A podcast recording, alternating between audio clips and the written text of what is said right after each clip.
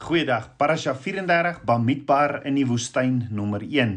Die gedeeltes wat hierdie week saam bestudeer word in die Torah is Numeri 1 vers 1 tot Numeri 4 vers 20 in die Haftara Hosea 1 vers 10 tot Hosea 2 vers 23 in die Bridesha die Nuwe Testament gedeelte Matteus 4 vers 1 tot 17 Romeine 9 vers 22 tot 33 Lukas 24 vers 50 tot 51 Handelinge 1 vers 9 tot 11 1 Korintiërs 12 vers 7 ehm um, tot 10 en uh, vers 7 tot 1 Korintiërs 13 vers 3.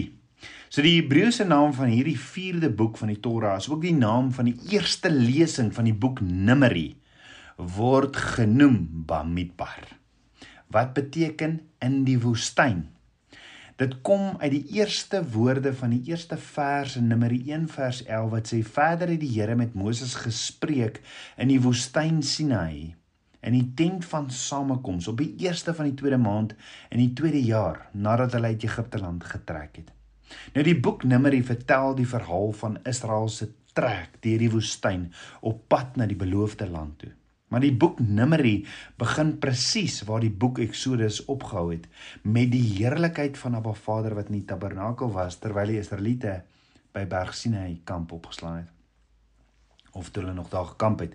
Op die eerste dag van hierdie 13de maand na die uittog uit Egipte, presies 30 dae nadat die tabernakel vir die eerste keer ingewy is, het Abba Vader Moses beveel om 'n sensus of 'n telling te neem van alle Israelitiese mans wat ouer as 20 jaar oud was.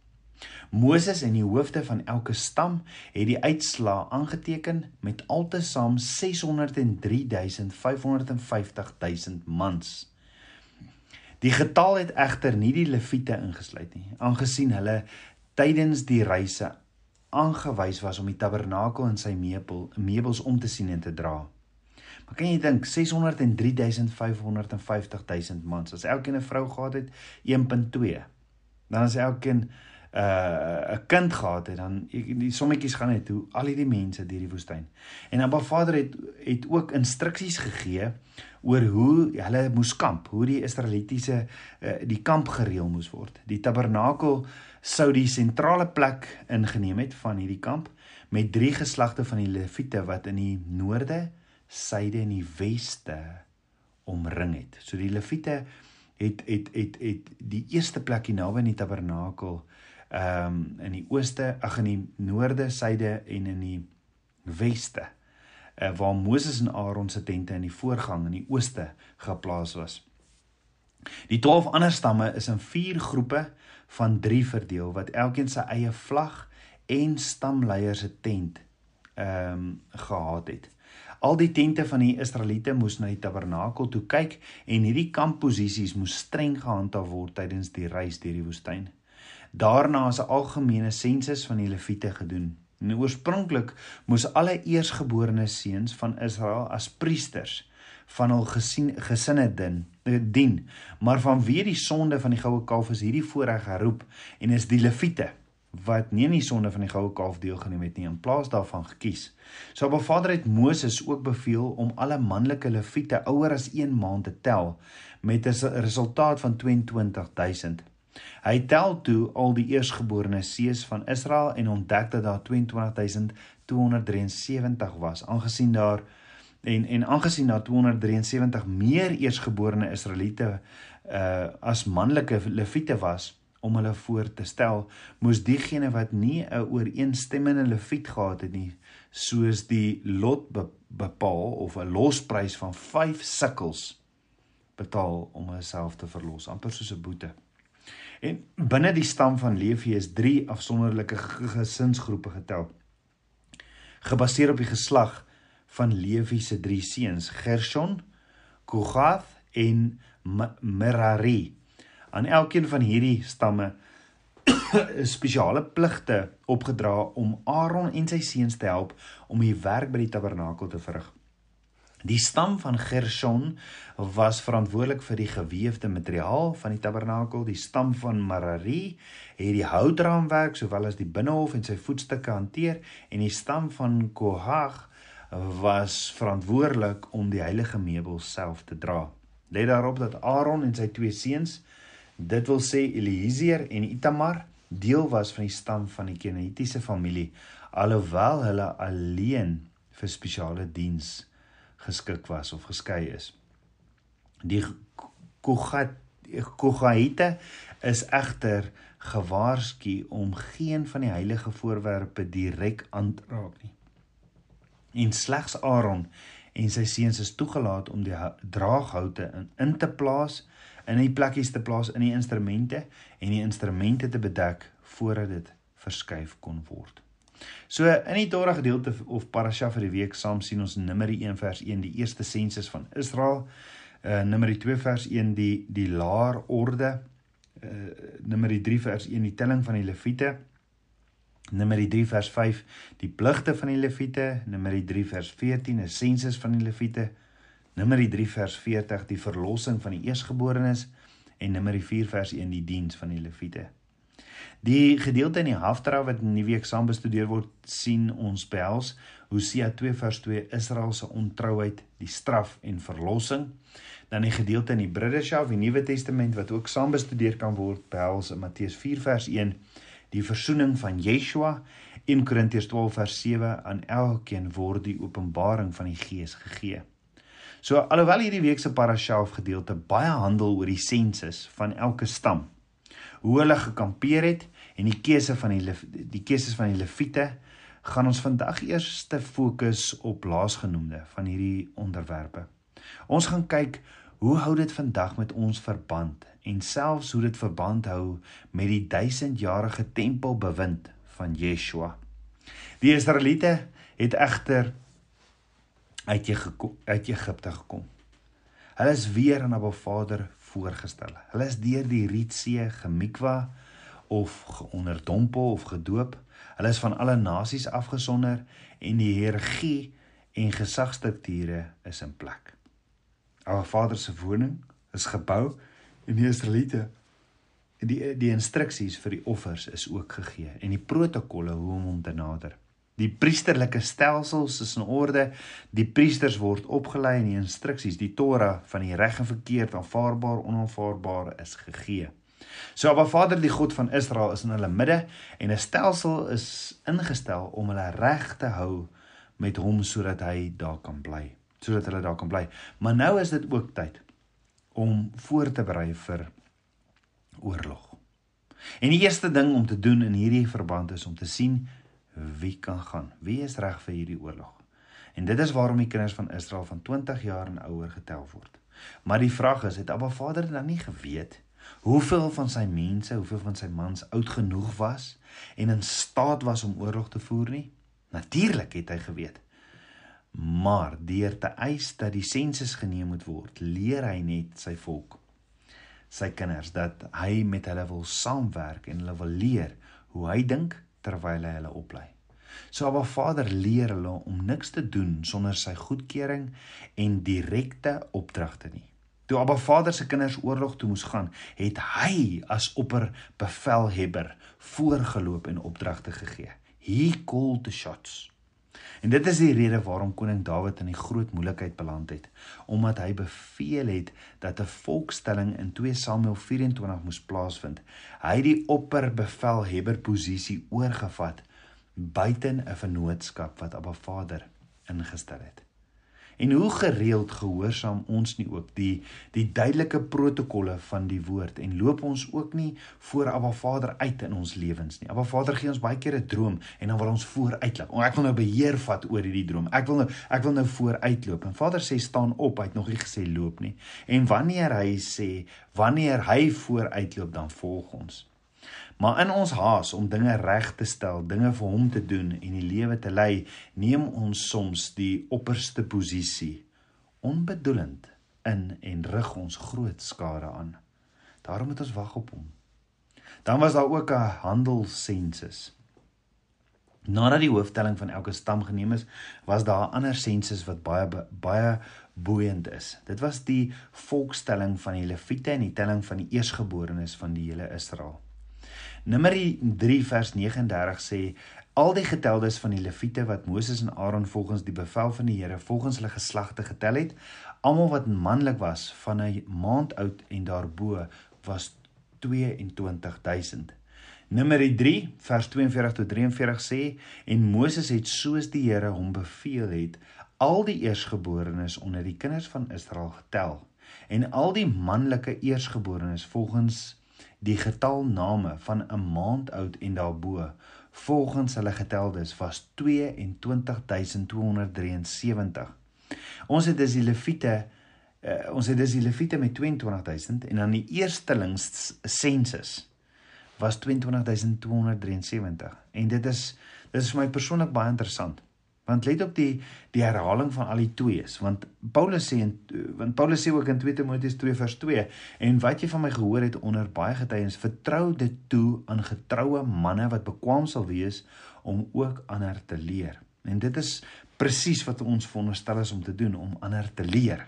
En dit is dus vir my nogal amazing om te sien dat die leviete wat verantwoordelik was vir die bediening van die volk op 22 273 getel is en die plek inneem van die 22000 eersgeborenes van Israel. Want hoor gou-gou, die rede vir die volkstelling in Numeri 3 vers 41 staan: En jy moet vir my, ek is die Here, die leviete neem in die plek van al die eersgeborenes. So jy moet die leviete neem in die plek van al die eersgeborenes onder die kinders van Israel.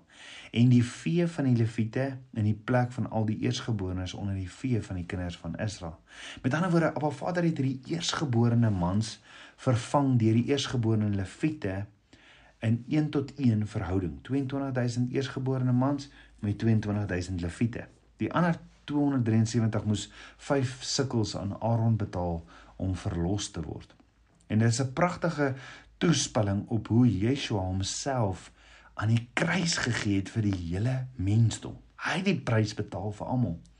Omdat hy gebore is as die tweede Adam, en hy was ook die eersgeborene van die hele skepping, het hy elke mens verteenwoordig sedert alle mense van hom af gekom het, omdat hy daar was voor die grondlegging van die aarde af. Dis hierdie een man wat alle mense verteenwoordig, kan in werklikheid die rol van priester in plaas van eersgeborene mans inneem wat almal onder um, Adam korrup was. Hierdie vervanging van Yeshua deur Adam die eersgeborene sou 'n nuwe geslag begin, 'n nuwe familie wat onder die Melchisedek stamboom sou wees. In hierdie geslag kan die geestelike stamboom wat die oorspronklike bedoeling in die tuin was, uiteindelik vervul word. Al diegene wat deur Yeshua wedergebore word, word eersgeborenes in sy familie, deel die erfenis van sy huis en mag in sy tempel dien. Jy sien die enigste rede waarom ons konings en priesters genoem kan word is as gevolg van die vervanging van die leviete deur die eersgeborenes in die paragraaf van hierdie week. Die patroon is hier in hierdie hoofstuk van Numeri gestel en is vir ewig verseël as die patroon wat vervul moet word toe die ware hoëpriester van die hoër orde homself met die gevalle Adam vervang het net soos die leviete die gevalle eersgeborenes uit die plek vervang het deur die sonde van die goue kalf. Sodra Yeshua die plek van die eerste Adam ingeneem het deur homself in sy plek te vervang, het dit die hele mensdom onmiddellik na die tuin teruggebring in 'n soort tweede kans waar almal wat uit hierdie nuwe Adam, Yeshua sou kom, eersgeborenes beskou word en sou kwalifiseer vir die erfenis van die ewige lewe in sy koninkryk. Alhoewel Abba Vader se oorspronklike plan was om die eersgeborene van elke stam van Israel te gebruik om sy volk te bedien, het die sonde van die goue kalf dinge in 'n nuwe rigting laat draai. Aangesien die Lewiete die enigstes was wat hulle van hierdie sonde geskei het, het Abba Vader hulle gekies as die ware eersgeborenes van Israel. Maar die keuse van die eersgeborene het nie daar begin nie. Nee, in Egipte is Abba Vader se voorreg beroem beroemd gemaak deur die 10de plaag dat die eersgeborenes van Egipte sou sterf as hulle nie die bloed aan die deurkusyne gespeel het nie. Almal wat nie die bloed van die lam op die deurposte gesit het nie, sou nie verlos word nie. Dit sê vir ons dat Abba Vader hulle al moes besit het om hulle te kon verlos het, is dit nie? Dit beteken dat ons verder terug moet reis. Terug terwyl ons terug in die tyd reis, ontdek ons hierdie konsep van die eersgeborenes in die woord reg deur die woord. Ons sien dit met Isak en Ismael, met die stryd tussen Jakob en Esau en selfs met die eersgeborene erfdeel tussen Juda en Efraim dat dit verdeel is en nie een van hulle was eers eersgeborenes vir Jakob nie. So wat sê Abba Vader dan vir ons in hierdie gedeelte in Numeri? Wat is die punt? Ek glo dat daar 'n diepgaande stelling is wat Abba Vader vandag nog vir ons almal maak. Abba Vader leer ons deur hierdie fisiese opdrag van die sensus dat die geestelike die fisies moet oorheers. Alhoewel die oorspronklike plan plan moontlik was om geen sonde te hê nie en die eersgeborenes wat as leiers aangewys is, is die wêreld op sy kop gekeer en moes die hoofdeel van die oorspronklike plan uitgelig word. Dit wil sê die geestelike mens is belangriker as die fisiese saad. Dit is die rede waarom daar soveel tweede geborenes en ander mans is wat deur die hele Ou Testament as die eersgeborene gekies was. Dit was hulle geestelike meerderwaardigheid wat veroorsaak het dat hulle gekies is om in daardie rol te loop. Hulle optrede het hulle gekwalifiseer en optrede is wat iemand vir daardie rol diskwalifiseer. Dit is hoekom Ruben, die ware eersgeborene van Jakob, die regte van die eersgeborene geweier is weens sy bloedskandelike sondes. Maar dit alles vind sy ware belangstelling in hoe hulle in die woestyn gekamp het. Dit was die leviete, die geestelike eersgeborenes wat onmiddellik rondom die tempel laar opgeslaan het en toegelaat is om op haar Vader El Elohim as dienaars te dien. Die res van Israel het in al vier rigtings verder as hulle laar opgeslaan. Hierdie feit van fascineer my. Want as ek kyk na die finale tempel wat ingewy word wanneer Yeshua terugkom en as die duisendjarige regering van Yeshua begin, die wete dat Yeshua met sy bruid uit Jerusalem sal regeer, beteken dat sy bruid diegene sal wees wat reg langs hom in sy nuwe koninkryk sal wees. Die feit dat sy bruid van sy eie mense ook geneem sal word, word geillustreer deur Abraham wat aan sy dienskneg opdrag gegee het om 'n bruid vir sy seun Isak uit sy huis te neem. So is dit moontlik dat Abba Vader dieselfde patroon tot in die millennium sal hou met sy bruid. Let wel, die bruid is diegene wat die gebooie van Abba Vader onderhou en die getuienis van Yeshua, want Openbaring 12 vers 17 sê en die draak was vertroond op die op die vrou en hy het weggegaan om oorlog te voer teen haar ander nakommelinge wat die gebooie van God bewaar en wat die getuienis van Yeshua hou. So as leierskap in die koninkryk in die woord duidelik omskryf is as diegene wat hom gehoorsaam, sy opdragte volg en hulle self geestelik afgesonder het om hom en slegs hom te dien en daardie individue 'n besondere erfenis kry, Yeshua self, is dit heeltemal redelik om tot tot die slotsom te kom dat hulle sal weer wees waar Yeshua is in die tempel in die voorhoewe van die Allerhoogste en hom sal help om die nasies te regeer. So weer eens in hierdie week sien ons dat dit dat dit 'n skynbaar onbeduidelike opdrag in die Torah die rigting word vir 'n magdom profetiese geskrifte in die Nuwe Testamentiese briewe. Maar daaroor verder in die week. Kom ons bid saam. Abba Vader, koning van my hart. Abba, ek loof en ek prys U. Vader, ek wil U dienskneg wees. Vader, ek wil ek wil naby ek wil naby my bruidegom woon. Ek wil ek wil my hart gee vir U. Ek wil diensbaar wees. Vergewe my my skuld. Was my met die waterbad van U woord en kom leef in my. Meer en meer van U manna. Ek bid dit alles in Yeshua Messie se naam, die seun van Jahweh. Amen. Shalom.